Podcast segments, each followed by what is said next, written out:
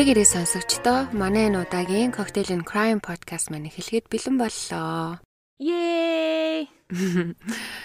За, подкастэнд орохоос өмнө уламжлалт ёсоор бит хоёр сануулга хэлье. Манай подкаст нь насан турш хүмүүст зориулагдсан учраас а юмнаас амархан айдаг болон одоо насан туршаагүй хүүхдүүд мөн жирэмсэн эхчүүд ерөн сонсоод дими гэж зөвлөдөг шүү. Яагаад гэвэл бит хоёр босын явдлын тухай детальтай ярьдаг учраас ер нь тэгээд араад аж өөртөө сонсгон сонсоорой. За энэ удаагийн дугаарыг манай дулмаа манд бэлдсэн байна. За тэгээ хоёлаа уламжлалт ёсоор коктейлнаас эхлэе ярих уу. За тэгээ да. Энэ удаагийн коктейл болохоро нэр байхгүй. За Би харин өнөөдөр коктейл хийх гээд ер нь бол бит хоёр ч одоо 90 хэдэн дугаар хийсэн маш олон төрлийн коктейл хийсэн байна. Хийгдэж болох бүх одоо классик нэртэй хүмүүсийн мэддэг те коктейлүүдээ хийсэн байна. Тэгээд юу хийхээ мэдэхгүй байж байгаад би өөрийнхөө нөгөө liquor cabinet-ыг онгоолгоод дотор юу байна? Надаа юу байна? Юу босгож болох уу гэж бодоод хараад Тэгсэн чинь ямар ч байсан ликерноос олвол а цагаан арх байла, жин байла. Тэгэхээр за за тэгвэл ойр цагаан архаар юм хийгээгүй юм чинь ингээд коктейл хийгээ бэлтцсэн байна. Тэгээ нэр авахгүй би болохоор би өөрөө нэрлсэн нэр нь болохоор за юу ч бас яах вэ гэдэг нэртэй. За. Тэгээд а орох орцсон болохоор цагаан арх, цангис жимсний жуус, баг зэрэг жүржийн жуус тэгээд хоёр сонголтоогоо дээр нь нэмхийн нэг нь болохоор Sprite юм уу ginger ale а эсвэл жоохон чанга болгоё гэж бодвол шампань юм уу prosecco хийхээр юм хоёр сонголттой коктейл хийсэн байна. Тэгээд яагаад энийг бас сонгосон бэ гэхээр удахгүй шинжил болох гэж байгаа. Тэгээд найзуудаараа гэр бүлээрээ пари хийх гэж байгаа бол олон хүмүүст хийхэд маш тохиромжтой коктейл учраас бодоод холиод хийчлээ. Өнөөдөр ямар ч байсан хийгээд уугаад үдчихлээ. Дөөгүй битээр өнөөдөр тустаа биччихээ. Өнөөдөр Чикагод амар цас орсон учраас тэгээ маргааш дөгөөгийн очих төлөвлөгөөтэй байгаа. Тэгээ найз нь очихороо жамд энийг маргааш хийж өгье заяа амар гоё юм байна. Yay! Excited гэж. Тэгээ хамгийн инээдтэй нь ер нь дөгөөгөөс юм асуухаар юу ч идсэн яах вэ? Юу ч уусан яах вэ гэж амар хэлдэг байхгүй юу? Тийм болохоор ийм коктейл хийсэн байна. Тэгээ манайхан гэртээ шинэ жилээр пари хийх гэж байгаа бол хийгээд уугаарай гэж хэлмээр байна. За маргааш өстө чамаг болон коктейл хүлээгээл сууж ий да. За тэгвэл коктейл нэг иймэрхүү байна. Тэгвэл хоёлоо шууд одоо хэрэгтэй орох уу? Ямар хэргийн тухай бэлдсэн байна? Энэ удаагийн хэрэг маань бас Сайдоко маань сануулга хэлчлээ. Би бас дахин сануулъя гэж бодлоо. Аа би өөрөө бас юусоо сонсож байгаагүй хэрэг хайж байгаад боллоо. Тэгэд деталь нь бол бас нэлээд жоохон хүнд санагдсан миний хувьд тийм учраас дахин сануулъя гэж би бодлоо. А ялангуяа мэдрэмтгий хүмүүс ер нь бол сонсоод хэрэггүй байж магадгүй гэсэн дуугаар болох гээд ах шиг байна. Тэгээ за ямар ч байсан тэгээ шууд хэрэгтэй оръё. За хэрэг нь 2004 оны 3 сарын 12-ны өдөр болсон байдаг. Калифорниа мужийн Fresno хотын цагдаагийн газар нэгэн дуудлага ирж дуудлагаар айлд очих болдог байгаа. А дуудлагын шалтгааныг хүүхдээс болсон гэр бүлийн маргаан гэсэн бөгөөд цагдаа нар учрыг нь олохоор тухайн айл руу явсан. Тухайн айл нь Маркус Весэн гихчих байсан бөгөөд хаусных нь гадаа очиход маш олон хүмүүс одоо ингээ бөөгнөрчгсөн маргалдаад ижсэн байгаа. Цагдаа нар ирээд Маркусын үүдэнд ирсэн хүмүүсийг тайвшруулж юу болсон талаар лавлан асуухад тэд хэлэхдээ Маркусын гэрт хүүхдүүд минь байгаа. Тэднийг авах гээд ирсэн боловч Маркус өгөхгүй байна гэж гомдлсон байдаг. Цагдаа нар Маркус руу анхаарлаа хандуулан юу болж байгааг асуухад тэр хэлэхдээ би хүүхдүүдэд та нарт өгөхгүй. Миний гэрт та нар дураараа нэвтэрч болохгүй гэж хэлээд гэрлүүгээ иргэн ордог байгаа. Тухайн үед цагдаа нар дайрч орч чадаагүй учир нь шүүхээс юм тусгай нэвтрэх эрхийг авах хэрэгтэй байдаг. Маркус гэртээ орсныхаа дараа цаг гармын дараа гарч ирэхэд өмсөн хувцас нь ингээд тэр чигээрээ цус болоод нэвчэрчгсэн гарч ирдэг байгаа. Тэгээ мэдээж цагдаа нар энэ байдлыг хараад шууд арга хэмжээ авч гертэн дайрч ороход маш хэрцгий нүд талтамаар дүр зураг тэднийг ухтдаг. Юу байсан бэ гэхээр хаусны хамгийн хойдлын унтлагын өрөөнд 9 хүний цогцыг овоолсон байдалтай олцсон. За Маркус Весэн гэж хэн бэ гэхээрээ тэрээр 1946 оны 8 сарын 22-нд Канзас мужид дөрвөн хүүхэдтэй айлын том хүү болон мэндэлдэг. Маркус хэлэхдээ түүний ээж шашны фанат хүн байсан ба түүний дагдаг шашин нь Seventh Day Adventist гэдэг бас нэг юм христийн шашны урсгал а гэх юм уу да тийм шашин байсан. А тэгээ христийн шашны урсгал ер нь бол бүтэнсэн өдрийг одоо бурхан дахин амьсан өдөр гэж бэлгшээж бурхны өдөр хэмээн сүм явдгийг бол манайхан сайн мэдэх бах. А харин энэ Seventh Day Adventist гэдэг урсгал нь хагасайн өдрийг Бурхны дахин амилсан өдөр гэдэгт итгэдэг. Маркус ээжигээ яагаад одоо шашны фанат гэж хэлдэг бэ гэвэл 7 хоногийн 7 өдөр Библийн сургалт гэртээ хийдэг. Мөн дээрэс нь Библийг өөрийнхөө ойлгосноо тайлбарлан маш олон ботном хүртэл бичсэн байдаг. Тэгээ ер нь бол ээжийнх нь хувьд түүний амьдрал 7 хоногийн 24 цаг бурхан библиэр амьсгалдаг байсан гэх юм уу та. За тэгээ Маркесийн аавын хувьд болохоор дэлхийн 2 дугаар дайнд байлдаж байсан халт цэрэг дайнаас буцаж ирээд тогтсон ажилгүй архинд ер нь олвол гүн авцсан хүн байсан. А мөн дээрээс нь ихнэр хүүхдтэй сэтгэл зүйн болон бэлгийн дарамтыг байнга үзүүлдэг байсан байгаа. Ялангуяа согтуу байх үедээ хүүхдүүдээ ёс бусаар тэрвэрч үнсдэг байсан учраас аавыгаа согтуу байхад нь нүднээс нь холуур нуутахыг хичээдэг байсан гэж хүүхдүүд нь сүлд хэлдэг. Бүр цаашлаад аав нэг удаа Маркесийн найзад би чам 50 доллар өгвөл чи надаар бэлэг эрэхтний хүүлхүү хүртэл гэж асуусан байгаа. Маркусыг баг байхад аав нь гэр бүлээ орхин хэсэг хугацаанд алга болсон. Яагаад гэр бүлээ хайж явах болсон бэ гэвэл дүүгийнхээ хүү буюу одоо нагаз дүүтэйгээ ёс бусаар бэрэлгийн харилцаанд орсон учраас гэр бүлд нь хагарал үүсэж аав нь явхаар болсон. Тухайн үедээ нагаз дүү нь 18 хүрчгсэн байсан учраас хүүхдийн бэлгийн дарамт гэж үзээгүй насанд хүрсэн хоёр хүмүүс одоо тий ёс бус харилцаанд орсон л гэж үзээд гэр бүлийнх нь Маркесийн аавыг ер нь бол хөөж явуулдаг байгаа. За ингээд 1960 онд Маркусыг 16 таа байхад аав нь гэр бүлдээ буцан ирж бүгдээрээ Калифорни мужид нүүдэг. Маркус бага ахта пастор болон жүжиглэх дуртай байсан. Тэгээд эмэгтэй дүүнэрээгаа найрал дууны групп болгон дуулуулж өөрөө ингээ урдан зогсоод номлогч болон тоглох дуртай байсан байгаа. Тэгээд ээжигээ даган өдөр болгон Библи уншиж, найз нөхөд гэр бүлдээ өөрийгөө яг бүр нэг жинхэнэ пастор болсон юм шиг тэгэж номлож тоглодог байж байгаа тэр нь сүулдэ өдөр тутмынх нь хийдэг юм болчихсон. Цаг хугацаа өнгөрөх тусам Маркесийн итгэл үнэмшил улам буруу зам руу явдаг. Тэр Seventh Day Adventist урсгалын гол итгэл дээр өөрийн онол өөрийн үзэл бодлыг нэмж номлох болсон. Түүний итгэх зарим ёс бус итгэл нь incest буюу гэр бүлийн гишүүд хоорондоо бэлгийн харьцаатай байх, эрэгтэй хүн хүссэн тооны их нэртэй байх, хамгийн хачирхалтай нь Есүсийг вампир гэдэгт итгэдэг. Тэгээ өөрөө бурхны хүү учраас өөрийгөө бас вампир гэдэгт итгэдэг тийм сонин итгэлтэй байсан. Тэгээ нөгөө гэр бүлийн гишүүд хоорондоо бэлгийн харьцаатай байхыг зөв гэж боддог байсан шалтгаан нь цус ойртолт нь нэг хүний төгс үрийг бүтээн гэдэгт бүр Маркус 100% итгэдэг байсан байгаа. Тэгээ эдгээр ёс бус хачирхалтай итгэл үнэмшлийнхээ тухай ном хүртэл бичиж сүүлд 2002 онд нийтлэх гэж оролцсон боловч ямар ч нийтлийн компани хүлээж аваагүй байдаг. Түүнийг мэдэх хүмүүс Маркусийн тухай хэлэхдээ өсвөр насндаа маш эмзэг сэтгэлтэй, ялангуяа амьтанд одоо маш их хайртай байсан гэж дурддаг. Гэртээ байнга золбин амттыг авчран хооллож асрах дуртай байсан. Тимээс гэртээ маш олон тооны тижээвэр амьттай байсныг дурддаг.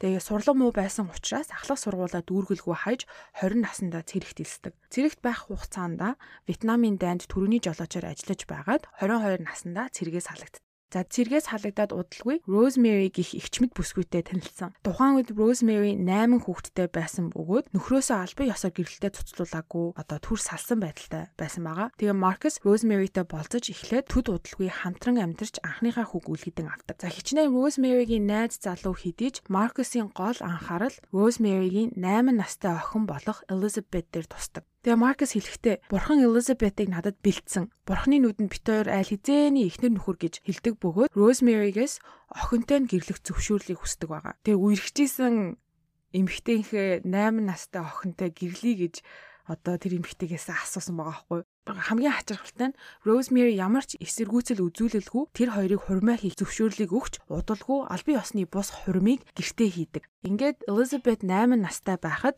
Marcus тэр хоёрын бэлгийн харьцаа эхэлдэг байгаа. Ингэж явсаар 14 настай Elizabeth 27 настай Marcus-аас жирэмсэлсэн бөгөөд түүнийг 5 сартаа жирэмсэн байхад нь Marcus тэр хоёр албан ёсоор гэрлэлтэд хуулиар батлуулдаг. Тухайн үе нь болохоор одоо 60 70-аад он штэ. Америкийн зарим мужид 14 хүрсэн бол гэрлэхийг хуулиар зөвшөөрдөг байсан байгаа. Тэгээ энэ үед гэр бүлийн бүх эрх мэдэл ер нь бол Маркесийн гарт орсон байсан. Маркес бүр тэдний юу ярихаас эхлээд юу идэхийг нь хүртэл заадаг байсан ба хэрвээ эсэргүүцвэл бүс мод залгуур гих мэтэр ороолгон зодож хүчрхийлдэг байсан. За энэ аимшигт хүчирхийлэл дарангуулыг төвчлгүй хүүхдүүдийн нэг нь цагдаад мэдэгдэн гэж Маркесийг сүрдүүлдэг байгаа. Тэгэхэд Маркес хэрвээ цагдаад мэдэгдэхгүй гэвэл би амьдралаас чинь бүр мөсөн алга болъё гэж амладаг. Тэгээ хүүхдүүд түүний амлалтыг хүлээн авч Маркус тэр гэрээс явхаар болсон байдаг. Маркус явхаас өмнө Rosemary-д хэлэхдээ чи машинаа авч үлдэх үү эсвэл хүүгээ авч үлдэх үү гэж асуухад Rosemary мэдээж хүүгээ сонгосон байдаг. За ингээд Marcus эхнэр Elizabeth болон тэр хоёрын дундаас гарсан хүү гурав машинаа аван Rosemary-гийн гэрээс явсан байгаа. Marcus тэр гурав хэсэг хугацаанд Marcus-ийн ээж аавынд амьдарч байгаад удалгүй өөрсдийн гэсэн гэр оронтой болоод нүүж гардаг байгаа.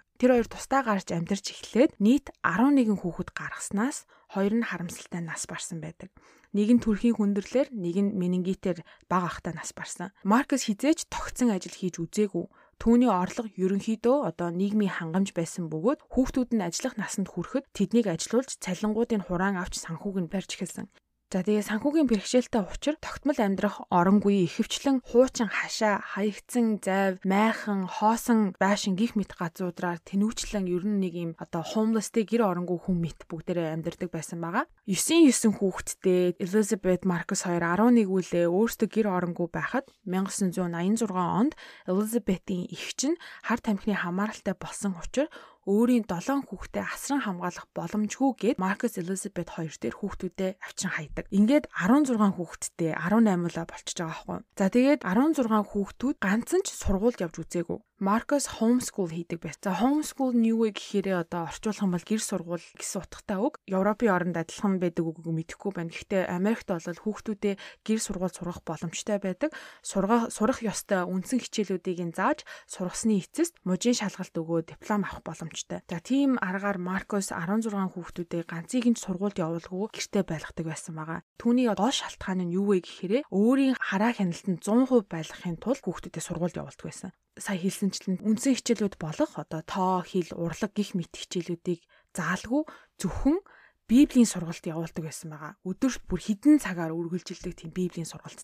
Библи заахта ихэнх хүмүүсийн одоо мэддэг Библи биш харин өөрийн ойлголтоороо Библийг орчуулж гараар бичсэн Библийг хүүхдүүдтэй номлож заадаг байсан. Тэг өөрийнх нь бичсэн Библиэлд Есүс бол вампир, бид түүний үр сад бөгөөд нарны гэрэлд яагаад зүгээр байдаг шалтгаан нь бурхан бидэнд одоо биднийг хайрлаж суу буюу те одоо сүнс сэтгэл зүрхийг өгсөн учраас бид нар наранд ингээд шатахгүй зүгээр алхаж чаддаг. Гэхдээ бид нар вампир гэж хүүхдүүдтэй номлож итгүүлсэн байдаг. Тэгээ дээрэс нь Бурхан олон их нартай байж өөрийнхөө ариун сүнсийг үржүүл гэж хэлсэн учраас та нар бүгд миний ихнэр болох ёстой гэж огтуд хэлсэн байдаг. Та нар миний огтуд байгаа нь миний ихнэр болох гол шалтгаан. Яагаад гэвэл цус ойртож би өөрийнхөө төгс төгөлдөр сүнслэг хувилбарыг төрүүлэх учиртай гих мэтчлэн ийм солиотой номлолуудыг зааж тэр гэрт байгаа 16 хүүхдүүд болон Элизабетийн тархийг угаасан байдаг. Тэгээ Элизабетийн хувьд болохоор хүүхдүүдийн хүмүүжилд оролцох ямар ч эрх байгаагүй бөгөөд Маркесыг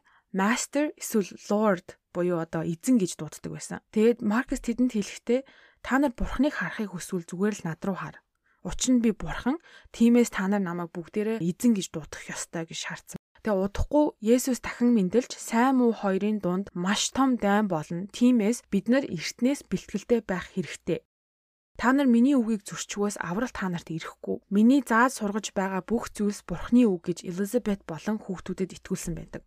Түүний гэр сургуулдах хөтөлбөрийн чухал нэг хэсэг нь болохоор октоудад аман секс заах байсан. Охтыг 8 настайгаас нь зааж эхэлдэг байсан бөгөөд энэ байдал нь тэднийг хамгийн сайн эхнэр болоход бэлдэж байгаа гэж тэдэнд хэлсэн. Мөн дээрэс нь гэрт байх бүх охтуудтай байнгын бэлгийн харьцаанд ордог байсан ба тэдэнд хэлэхдээ аав хүн ингэж хайраа илэрхийлд юм а гэдэг байсан байгаа. Хуулиар ганцхан Элизабет түүний эхнэр байсан хэдий ч одоо гэрт нь амьдарч исэн өөрийн охин болон тэр Элизабетийн дүүгийн охтууд бүгдээрэнтэй гэртээ хурим хийж өөрийнх нь толгоонд болол тэр нэг албан ёсоор эхнэрүүдээ болгож авсан. Тэгээ Маркес охтыг багаас нь ёс бусаар биед нь хурж оролдож эхэлсэн нь охтыг энэ байдал тасгах аргуудын нэг байсан. За Элизабет болон охтын өдөр тутмын хариуцлага нь ажиллах ажилгүй өдрөө Маркусыг арчлах яаж арчилдаг байсан бэ гэхээр түүнийг үсийг самнахаас эхлээд толгой суг гих мэт загтансан газар нь очиж майжих, хоол ундыг нь зөөх, заримдаа босож алхаж явахыг хүсгүй байх юм бол им тэрэгэн дээр суулгаа төрж явах. Тиймэрхүү юм хийж өдрийг өнгөрөөдөг байсан. За тэгээ цаг агаар ямар байх нь хамаагүй октод байнга урт ханцуутай цамц урт юпг өмсөж хүзүүгээ ороолтоор байн ороодаг байсан. Тэгээд тухайн үед октоодыг харсан хүмүүс хүртэл гайхаж исэн чинь Калифорни чинь ер нь бол дулаан халуун мууч штэ ер нь бол өвөл болдоггүй. Тэгж яхаа гадаа хідэн химийн халуун байсан ч хамаагүй октоо дандаа юм ороолт зүүчихсэн. Тэгээ урт юпгтэй ер нь арьс марс юугаач гаргадгүй тийм байсныг бол хараад гайхт байсан гэж байгаа. Тэгээ яагаад ингэдэг байсныг таам сүлд таамаглахад нэгдүгээрт зодуулж хөхөрсөн бие нуудаг байсан. А бас хоёрдугаар охтыг өөрийн өмч гэж боддог байсан болохоор Маркус тэдний биеийг далдалж нуухыг хүссэн байх гэж таамагладаг. Сая хэлсэнчлэн Маркус охтуудыг ер нь бол зөвхөн өөрийнх нь өмч гэж бодож итгэж явдаг гэсэн шүү дээ. Маркусын хөвгүүд нь том болж нас биеинд хүрэхэд Маркус санаа зовж ихэс. Яагаад тэгээ санаа зовсон гэхээр охтууд нь өөр эрэгтэйд татагдах вэ гэдгээс эмээсэн учраас тэднийг хооронд нь ярихыг хориглож бүр тусдан амьдруулж эхэлсэн. За нэг хүн Элизабетийн эгчийн охинд сайн мэд хандаж эхэлснийг Маркус анзаардаг. Тэдрийг шийдэхийн тулд Элизабетийн хаус гэдэг гарчигтай 14 хуудас тийм удирдамж бичиг хөвгүүдэд өгсөн. Тэгээд хэлэхдээ бурхан чамайг өөрөө өөрийнхөө эмгтэйг олж ав гэж тушааж байна. Тийм болохоор гэрт байгаа эмгтээчүүдтэй хинтээж юу ч ярьж болохгүй гэж хэлсэн байгаа. Тэгэд ирээдүйд эхнэрүүдээ октоудаа алтхаас сэргийлж Маркус хөвгүүдийг ажил хийх насанд нь хүрмэгц гэрээсээ хөөж явуулдаг. Хөөгөө явуулахдаа зүгээр ч явуулахгүй гэрээсээ явж эхний 2 жилдээ олсон бүх цалингаа надад өгөх ёстой гэж бурхан тушаасан гэж хэлээд явуулдаг. Тэгээд хөвгүүд нь гэрээсээ ингээд яваад өөрсдийнхөө амьдралыг хөөгөө явъя гэсэн ч гэсэндээ заавал 2 жил бүх цалингаа Маркус руу явуулдаг байсан гэж аахгүй юу? Бас хөвгүүдийг гэрээсээ явуулах нэг шалтгаан нь тэд нар Маркус охтуудыг хүчирхийлж байна гэдгийг мэдтгүү байсан. Маркесийн тарих угаалтанд бүр үнэхээр нэг хэмжээ хязгаар үнэхээр байхгүй нь бол маш олон зүйлээс харагддаг. Хүүхдүүдтэй хэлэхдээ цагдаа нарыг дүрээ халахалсан сатан тиймээс тэднэрт баригдаж гэр бүлээсээ салснаас бүгдээрээ гэр бүлээрээ амиа өгөөтгэж хамтдаа бурхан дээр очсон нь дээр гэж номлодог энэ бүгдийг хүүхдүүддээ итгүүлж тэднээс амлалтыг нь хүртэл авсан. Хэрвээ бид нэр цагдаад баригдаад тэ ямарваа нэгэн байдлаар бидийг салах гэж оролдох юм бол ингэж бүгдээрээ амиа эгүүтгэн шүү гэд хүүхдүүд хоорондоо өөрсдөө хүртэл яриад ийм тангараг хүртэл өргсөн гэж байгаа байхгүй юу. Бүүр тэгэж амар толгойг нь угаагаа хайчихсан. Маркес тэрэн дээр нэмж хэлэхдээ хэрвээ бид нар одоо ингээ баригдаад өөхөх ёстой болвол хин нэгэн амьд үлдэж бусдад юу тохиолдсныг хэлэх хэрэгтэй. Бусад тэ хамаатан садан гэр бүлдээ юу тохиолдсныг хэлэх хэрэгтэй. Тиймээс та нар үхэж би амьд үлдэн мэдээг түгэх болно гэж хэлдэг Маркес. Маркус тогтсон хаяггүй эн тэнд байгаа хоосон байр сав эдлэн газарт майхан барьж амьдардаг гэж хэлсэн штэ. Тэгээд нэг хэсэг хугацаанд хаягдсан завин дээр хүртэл амьдарч исэн. Завин дээр амьдарч байхдаа нэг өдөр Маркусыг гэрте байхгүй үед нэг хүн ийм цэнхэр бичгтэй цагаан машин зогсоолоор эргэлдэж байхыг хардаг байгаа. Тэр цагаан машин дээр нь progressive гэж бичсэн байсан бөгөөд удалгүй бүр яг адилхан машинууд олноороо зогсоол дээр ирж нэг юм хайж байгаа эсвэл ингээ ажиглаж байгаа юм шиг ингээ эргэлдэж эхэлдэг байгаа. Тэгээ энэ байдлыг харсан хүн эгч дүү нартаа хэлэхэд цагдаа нар тэднийг авах гээд ирлээгээд бүгдээрээ айд сандралтдаг. Тиймээс бурхны одоо тушааснаар бид нар гэр бүлээ салгаж болохгүй учир өөхөх ёстой гэд том охин нь Маркст байх гар буг цэнэглэж дүүнрээ буудах гээд чагсааж зогсоодог. Охин бодохдоо Маркс гэртээ ирэхэд юу болсныг мэдэхгүй учраас амиа игүүтгэхээс өмнө түүнтэй холбоо борж хийх гэж байгаа үйлдэлээ хэлэх ёстой гэд хоёр эрэгтэй дүүгээ уцаар Маркест хил тулга гэд явуулдаг. Тэгээ хоёр дүү нь Маркест Маркестэй холбоо барин учрыг хэлэхэд Маркес өө битгий санаа зов. Бурхан та нарын цаг ирээгүй гэж айлцсан учраас битэн амиа хорл гэж хэлдэг. Тэр цагаан машин юу байсан бэ гэхээр Progressive гээд Америкийн даатгалын компани машин байсан байгаа. Тэгээ Маркус хүүхдүүдэд итгүүлэхдээ одоо Америкийн цагдаа чинь цэнхэр өнгийн дөрөв хувцастай байдаг шүү дээ. Тэгээ цэнхэр өнгийн хувцастай, цэнхэр өнгийн машинтай хүн ирэх юм бол ер нь бол цагдаа нар сатаа ирж байгаа, та нарыг авах гэж байгаа манай гэр бүлийг ингээд сарниулах гэж байгаа гэд итгүүлсэн. Тэгээ хүүхдүүд нь бүр цэнхэр өнгөтэй машин харахаараа хүртэл ингэж амар паниктдаг болсон байсан. Тэр машин нь одоо даатгалын компани машин болж таарсан. Тэгээ ер нь бол ингээ харахад хорвоо дэлхий тэг ертөнд тэднийг тойрон байх амьдралын тухай ямар ч ойлголт байхгүй нь ер нь бол энэ явдлаас сайн харагдаж байгаах. За тэгээд энэ явдлын дараа дүүнраа хөнөөх төгсөн Софина гэрээсээ явмаар байна. Өөр хамаатны эгчиндээ очиж амьдрмаар байна гэж Маркс хэлдэг байгаа. Маркс тэр хүсэлтийг нь хүлээн авч Оки өөрөө л мэд Би чамайг хүргээд үгүй гэ тэр хоёр явдаг. Замдаа явж байхдаа Маркус Софиныг жоохон айлах гэж оролддог. Хэрвээ чи ингэж явчих юм бол хизээч эргэж ирэх боломжгүй шүү. Чи дүүнараа дахин хизээч харах боломжгүй. Гэр бүлээ ингэж орхид явж байгааг чинь бурхан болол таалж үзэхгүй нь ойлгомжтой. Чи ингэж насаараа нүгэлтэн болж ингэ там руу явна гих мэдээр сүрдүүлж дайрч давшиж байснаа гинэд бүтэн эргэлт хийж заврууга буцан явдаг байгаа. Хэсэг явж байгаад хүн амтан бараг байхгүй газар машина зогсоож Софиногоос асуулт асуудаг. Софина чи бурханд хайртай яв гэхэд Софина тийм ээ би хайртай гэхэд тэгвэл чи нүглийг минь намжлаач гэж бурхнаас гуйсан уу гэхэд Софина тийм ээ гэж барыг хэлж дуусаагүй байхад Маркус хутаг гарган Софинагийн баруун цээж рүү зоодог. Аз болж аминд нь хүрээгүй бөгөөд удалгүй Софина охин ухаан ордог байгаа. Тэгээс ирэхэд Маркус хажууд нь байсан бөгөөд чи бурхан руу явахдаа бэлэн байна уу? Итгэлтэй байна уу гэхээ Софино мэдээж үгүй гэж хэлэхэд Маркус гинт амар чангаар уйлаад уучлалт гуйж энэ явдлын тухай хинтж битгий хэлээрэй гэж Софинагаас гуйдаг. Софинагаас уучлалт гуйгаад аргадан гэртээ буцаж ирээд Элизабетэд юу басныг хэлэхэд Элизабет бүр юу ч хэлэлгүйч эсэргүүцэлгүй ямар ч эмоцгүй зүгээр л Софинагийн шарахыг арчилдаг. Тэгээ хичнээн Софинаг хутгалсандаа уучлалт гуйсан хэдий ч Софинагийн хийсэн үйлдэл буруу байсан учраас Маркусаас өөр хинтээж ярьж болохгүй гэж түүнийг шийтгдэг. Өөрнийгөө охин Рубин зүхтаах орлого хийж 3 дахь орлого дээрээ Маркусаас мултарч чадсан. Эхний удаа ажлаа тараа зүхтаах гэж оролцсон боловч Маркус хайсаар байгаа түүнийг олж хүчээр буцаан авчирдаг. Тэгээ энэ Руби гэдэг охин нь болохоор Elizabeth-ийн эгчийнх нь хүүхэд. Тэгээд хоёр дахь удаа зүхтаахтаа эмээ буюу одоо Rosemary дээр очиж туссан ч хүссэн байдаг. Гэтэл Rosemary хэлэхдээ чи одоо буцаад явсан дээр хаа чамайг Маркусаас өөр арчилж чадах хүн байхгүй. Тэглээж тэнцэнэ амар удчихсан чи угаасаа энэ амьдралыг өөрөө л сонгоо бидтэй гэж хэлээд хүлээж авахыг хүсдэггүй. Тэгээ тэр үед Руби Маркусаас Ализений нэг охинтой болчихсон байсан. Тэгээ Маркус Рубиг гэрт нь буцааж авчрахын тулд хүүгийн авчирч Рубид харуулад хэрвээ чи одоо надтай хамт явахгүй болвол чи дахиж хизээж хүүгээ харахгүй. Тийм учраас чи надаас одоо цухтаж явна гэдэгтээ итгэлтэй байна уу гэж асуухад Руби хүүгээ бодоод буцан тэр тамийн амьдрал руу явдаг. Гурав дахь удаага амжилттай зүхтаж чадсан нь найз залуутай болсон учраас Охтууд өөр өөр түргэн олны ресторанд ажилладаг байжгаад 2001 онд бүгдээрээ нэг газарт үйлчлэгчээр ажиллаж эхэлдэг. Тэгээ Ruby тэр үед хамт ажилладаг залуудаа дуурлаж тэр хоёр үерхэд удалгүй найз залуу нь хамтран амьдрий гэж санал тавьдаг байгаа. Тэгээ Ruby тэр саналыг дуртаяа хүлээж аваад нэг өдөр Ажилдаа яваад ирээгүй шууд тэр чигээрээ найз залуугийнхаа ээжэнд ээжинд очиж нуугдсан байдаг. Тэгээ Маркус дахин баригдахгүй тулд ажилласаа гарan гэр бүлийнхээ бүх хүмүүсээс холбоогоо тасалдаг. Ингиж Руби Маркусын иргэшээлээс гарсан байгаа.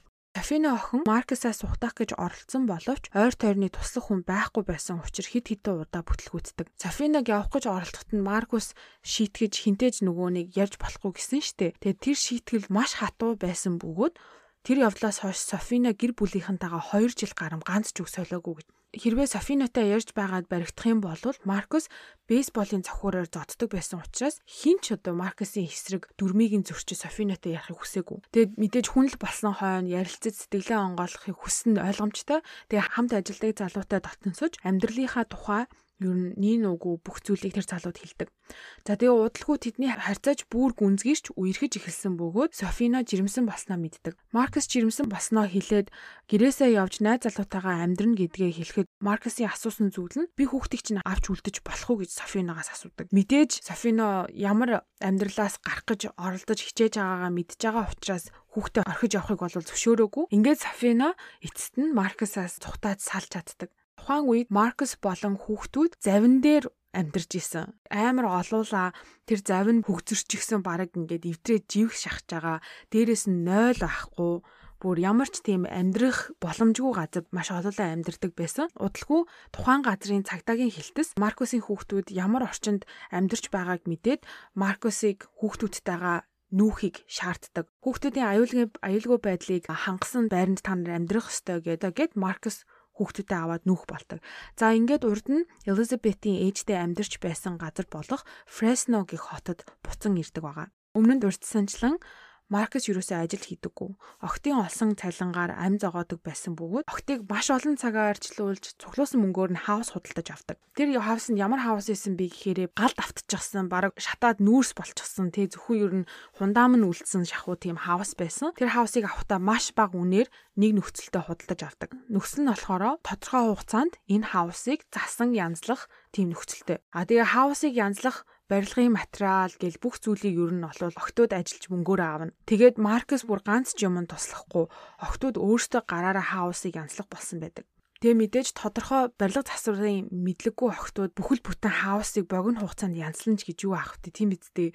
За тэгээд охтуудын ч хүч хүрэхгүй, Маркесийн ч тусалж байгаа юм байхгүй байсан болохоор удалгүй хаус авсан зээлийнхээ мөнгийг төлж чадлаггүй нүүх болдог. Тэгэд Маркус Элизабет дээрээс нь 14 хүүхэдтэй ямар их орон зай хэрэгтэй нь бол мэдчихэж байгаа бах. Тэгэд ямар ч мөнгө төгрөг байхгүй. Өөртөөхөө байсан бүх мөнгийг нийлүүлж нийлүүлж олцсон газар нь болохоро офисын зориулалттай байр. Тэгээд тийшээ нүүж ороод удалгүй бас нүүх болдог. Яагаад гэвэл хотын захиргаанаас тэднийг офисын зориулалттай байранд амьдарч байгааг мэдээд жилийн дотор буюу 2004 оны 3 сард гэхэд энэ байрнаас нүүсэн байхыг шаарддаг. За ингээд Маркус бодохдоо ядаж ээж аваа бараад игээд Калифорни мужаас хойно байрлах Вашингтон муж руу нүүхээр бэлтгэлээ базааж эхэлсэн. Тэгээ тухайн үед Маркусын аав нь хорт хавдартай гэдг нь илэрсэн нь одоо Маркус нүүх нэг шалтгаан нь болдог. Тэднийг нүүх гэж байгааг сонссон цухтаа чадсан хоёр охин биш үү? Руби Сафина хоёр хүчээ нэгтгэн тэднийг ойлгож одоо тэдний талд зогсож байгаа бүх хамаатан садангуудаа цуглуулад хүүхдүүдээ Маркусаас салгаж авахаа гэрт нь очдөг байгаа. Тэдний төлөлгөө болохоор Эхлээд ямар ч байсан илдгээр асууна. А хэрвээ Маркс зөвшөөрөхгүй бол эрчүүд нь Марксийн учрыг олж эмэгтэйчүүд нь гэрлүүн хүчээр орж хүүхдүүдэд аварна гэсэн төлөвлөгөө байсан. Тэгээ мэдээж Маркс зөвшөөрөхгүй нь ойлгомжтой. За энэ бүх явдал дугаар эхлэхэд хэлсэнчлэн 2004 оны 3 сарын 12-ны өдөр болсон байдаг. Руби Сафина хоёр хамаатнуудтайгаа Марксийн гэрт нь очиж хүүхдүүдэд авахыг шаарддаг. Маркс мэдээж эсэргүүцсэн хөвгүүд нь Маркус октоодыг хүчирхийлдэг гэдгийг мэдтгүү гэжсэн шүү дээ. Аа тиймээс октыг жирэмсэн болоход Маркус өөрийгөө эцгэн гэдгийг нуухын тулд октоодыг үр шилжүүлэн суулгах процедурд орсон гэж хэлдэг байсан. Тэгээд төрсний гэрчлэгэн дээр нь яг хэний нэрийг бичдэг байсан юм мэдэхгүй байна. Гэтэ ямар ч хэсэн төрсний гэрчлэгэн дээр Маркус эцэг нь биш. Тиймээс Руби Сафина хоёр одоо хүүхдүүдийнхаа төрсний гэрчлэгийг Маркуст үзүүлээд чи хуулаар угаасаа аав нь биш штэ. Яг үнэндээ чиний хийж байгаа үйлдэл бол хүүхэд хулгайлах. Тиймээс цагдаас сэргийлэх оролцох юм бол чамд л муу юм тохиолдно. Тэгээ бит хоёрын хүүхдүүдийг өгчөө. Хоёр хүүхдээ авчия гэхэд Маркус зөвшөөрөөгүй. За тэгээд цагдаа нар дуудахтаас өмнө Софина гэрлүү дайран орж хүүхдүүдээ авах гэж оролцсон боловч гэрт байсан охтууд Руби Софина хоёрыг эсэргүүцэж хэрэлддэг байгаа.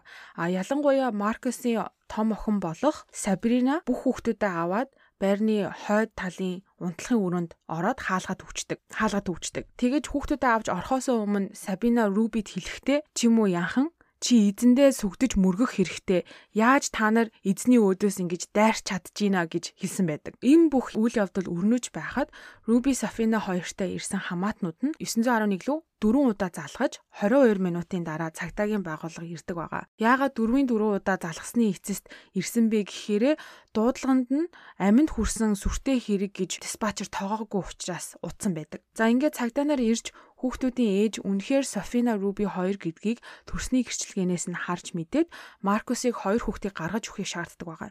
Маркус эсэргүүцэхэд цагдаа нар хэлэхдээ за чи энэ хоёрын хүүхдийг өгөхгүй болвол хүүхэд асран хамгаалах байгууллагатай холбогдож бүх хүүхдүүдийг чи авч явна шүү гэж сүрдүүлсэн хэдий ч Маркус зөвшөөрөөгүй. За тэгээд цагдаа нар амь насанд хүрэх аюултай нөхцөл биш бол хүний гэрлүү шүүхийн зөвшөөрлгөө нэвтрдэггүй учраас юу ч хийж чадаагүй зүгээр үүдэнд нь хүлээж исэн байгаа. Маркус гэрлэгөө ороод цаг гарам хэртэй байж агаад гарч ирдэг. Үүдээ онгоолоход өмсөн бүх хувцас нь цус болчихсон. Гарч ирэхэд мэдээж цагдаа нар Маркусыг баривчлан гэрлүүн нэвтрэн орсон. Гэрт нийцлэг хийж явсаар хамгийн хойно байх унтлагын өрөөнд ороход 9 хүүхэд томчуудын цогцсыг овоосон байдалтай олддог. Тэд бүгдээрээ нүдэн тус газраа буудуулан амиа алдсан байсан. Тэргийн газар дээр байсан гэрчүүдийн мэдээснээр тэд Маркусыг гэрт ороод нэг цаг гарan байхад буун дуу сонссон гэж мэдүүлдэг. А харин хэргийн газар дээр байсан цагдаа нарын хэлснээр ямар ч буун дуу гараагүй учраас гэрлүү дайрч ороогүй Марксыг гарч ирэхийг хүлээсэн гэдэг мэдүүлгийг өгсөн байна. За ингээд Маркус Весен баримтлагдаж 9 удаагийн 1-р зэргийн хүн амны хэрэг, 14 удаагийн хүчингийн хэрэг, 14 удаагийн хүчирхийллээр шүүхэд дуудагдаж түүний шүүх хурал эхэлдэг байгаа. Маркус өөрийгөө бүх хэрэгт буруугүй гэж хэлсэн бөгөөд хэрэг болсон өдөр Сабрина хүүхдүүд болон дүүнраа буудаад амиа хорлсон гэж мэдүүлдэг. За хэрэг үйлцэн гар буун дээрх ДНК-гийн шинжилгээ хийхэд Сабринагийн ДНК олцсон байдаг. Хичнээн Сабринагийн ДНК олцсон хэдий ч Сабрина гохыг дарсан гэдэг нотлох баримт байгаагүй. Мэдээж тэ шүүх хурал болж байхад бүх төрлийн байж болох шинжилгээ дүгнэлтийг хийдэг. Сабриныгийн гарн дээр сумны нунтаг үлдэгдэл үлдсэн байна уу гэж шалгахад хоёр гарн дээр нь алин дээр нь ч үлдээгүй. Тэг хамгийн хачирхалтай нь Маркесийн гарнаас ч гэсэн илрээгүй. Тэг яг энэ хэрэг дээр яг хин буутсан, хэн гохыг дарсан гэдэг нь бол мэдэгдээгүй. Аа тэгээ гэрийг нь нэгчгэд олон тооны авс олцсон бөгөөд Маркс тэднийг нэлээд хэдэн сарын өмнө худалдаж авсан байдаг. Хүмүүс яагаад ийм олон авс авч байгааг асуухад Маркс хэлэхдээ өө сайн модоор хийсэн учраас модыг нь ашиглаж хүүхдүүдтэй ор барьж өгөх гэж байгаа гэж хэлсэн байдаг. За ингээд шүүх хурал бол маш хурдан явагдаж 2005 оны 6 сарын 17-нд Маркс Весен бүх хэрэгт буруутай гэж шүүхийн шийдвэр гарч цаазаар авах ялыг авдаг байгаа. А гисэн хэдий ч 2019 онд саяхан 3 жилийн өмнө Калифорниа мужийн амбан захирагч хуулийг өөрчилсөн улмаас Маркс одоо Калифорниа мужийн шоронд насаараа хоригдох ялыг эдэлж байгаа. Мэдээж энэ хэрэг олон нийтэд задарснаас хойш түүний амьд үлдсэн хүүхдүүд ярилцлага өгөхөд хүүгүүд нь аавыгаа зөвтгөж тэр бол сайн эцэг байсан, сайн ир байсан гэж ярьдаг. Зарим охтууд нь бас Маркесийн талд орж цус ойрдох бол сайн. Бид улам л илүү мундаг хүчрхэг төгс төгөлдөр болно гэж хэлсэн. Тэгээ ингээ харахаар Маркесийн үзүүлсэн энэ хүчирхийлэл дарангуйлал тарих угаалт бүр хүүхдүүдийн толгойд бүр ямар амир гүн гүнзгий нэвчэж орсон нь бол харагдаж байгаа. Сүүлд ийм амир хэрэг гарсны дараа хүүхдүүд нь хүртэл өмөрч ярьж ийн гэхээр энэ хэргийг судлаа сууж байхад бол ярьж исэн хамгийн амар хэрэгүүдийн нэг байна гэж би ботсон. Энэ аимшигт тэг чөтгөрийн гараас амьд үлдсэн хэдий ч сэтгэл зүйн маш гүн өөрчлөлттэй болсон хүүхдүүд сэтгэл зүйн тусламж авч байгаа гэж би бол найдаж байна. Ийм амар юмыг бүр төрснөөсөө хоош тэгээ дээрэс нь бас цус ойртчихсан генетикийн болон сэтгэл зүйн бол маш их өөрчлөлт байгаа байх. Аа. За нэг ийм хэрэг байна. Би ерөөсөө сонсож байгаагүй хэрэг үл амар гайхмаар чи энэ хэргийн талаар сонсч ирсэн үгүй? Ястай сонсож байгаагүй мэн. Анх удаа сонсож байна. Ямар амар юм бэ? Сайхан болсон хэрэг байгаа зү. Тийм биш үү? Энэ одоо хүртэл тийг хэрэгтнээ амьд мамидчих шиг юу ёо би энэ хэргийг судлаа сууж байхдаа бас нэг нэг юм ботсон. Одоо бүр одоо тоцтгож ярмаар санагдсан зүйл нь. Тэгээ ихэнх хүмүүсийн реакт бодол тэг энэ хүүхдүүд яагаад эртхэн зохих газарт нь мэддэггүй юм бэ? Иргэн тойрон хүмүүс яагаад хэлээгүй юм бэ? Ийм олон жил Маркесийн дарлалт яагаад байсан гих байх. Гэхдээ хүүхдүүдийн хувьд тэгээ энэ хүүхдүүд хөрөхдөө ийм хүчирхийлэлтэй аимшигтай байдалд хорвоо дээр мэдлэгтэй л ирсэн учраас энэ бүх зүйлийг энгийн нормалны гэж бодож өссөн. Маркесийн эсрэг зогссон хоёр охин бодвол Руби, Софина аага. Тэр хоёр охин юу штэ нөгөө Элизабетийн дүүгийнх нь хүүхдүүд.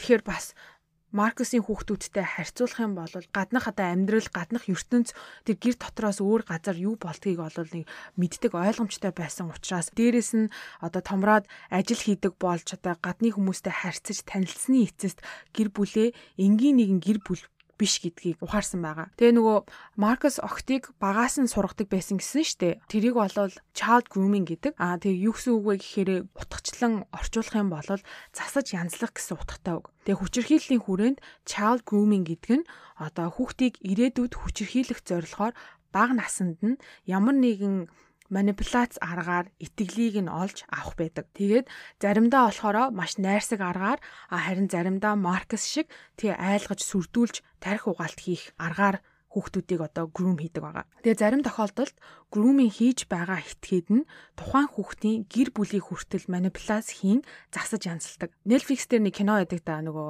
Abducted in Plain Sight гэдэг одоо монголоор орчуулах юм бол нүдэн дээр хулгаалсан гэх юм уу да тийм кино байгаа манайхан үзчихсэн байж магадгүй. Тэр кинон дээр гэр бүлийн найз гих эрэгтэй нь бага насны охиныг нь нүдэн дээр нь хулгайлан авч олон хоногоор бэлгийн хүчээр хилэл үзүүлсэн байдаг. Тэгээ тэр явдал болох хүртэл хулгайлагдсан охиноос гадна аавынх нь тэ ээжийнх нь тархийг хүртэл угааж гэр бүлээр нь тэр чигээр нь грум хийж өөрийнхөө хийх үйлдэлийг зөв зөв гэж итгүүлсэн байдаг. Манайхан үзег бол тэрийг үзэрээ бас амар зөвүүн сонирхолтой кино шүү. Мэдээд сайхан гэр бүлийн найз нөхөд байгаа. Гэхдээ хүн болгонд итгэж болохгүй. Boundary буюу те хил хязгаартай одоо харилцаатай байцгаая. Тэгээ манай монголчууд чинь ер нь бол тийм юм штэ. Монголчууд ч гэлтгүү Аазууд ер нь нэг тийм штэ. Их гэр бүсэг те хамаатан садансаг тийм хүмүүс байдаг. Тэгэл нэгнийдээ очиж хонж өнчхөөрөө хамаа намаагүй ингээл унтдаг.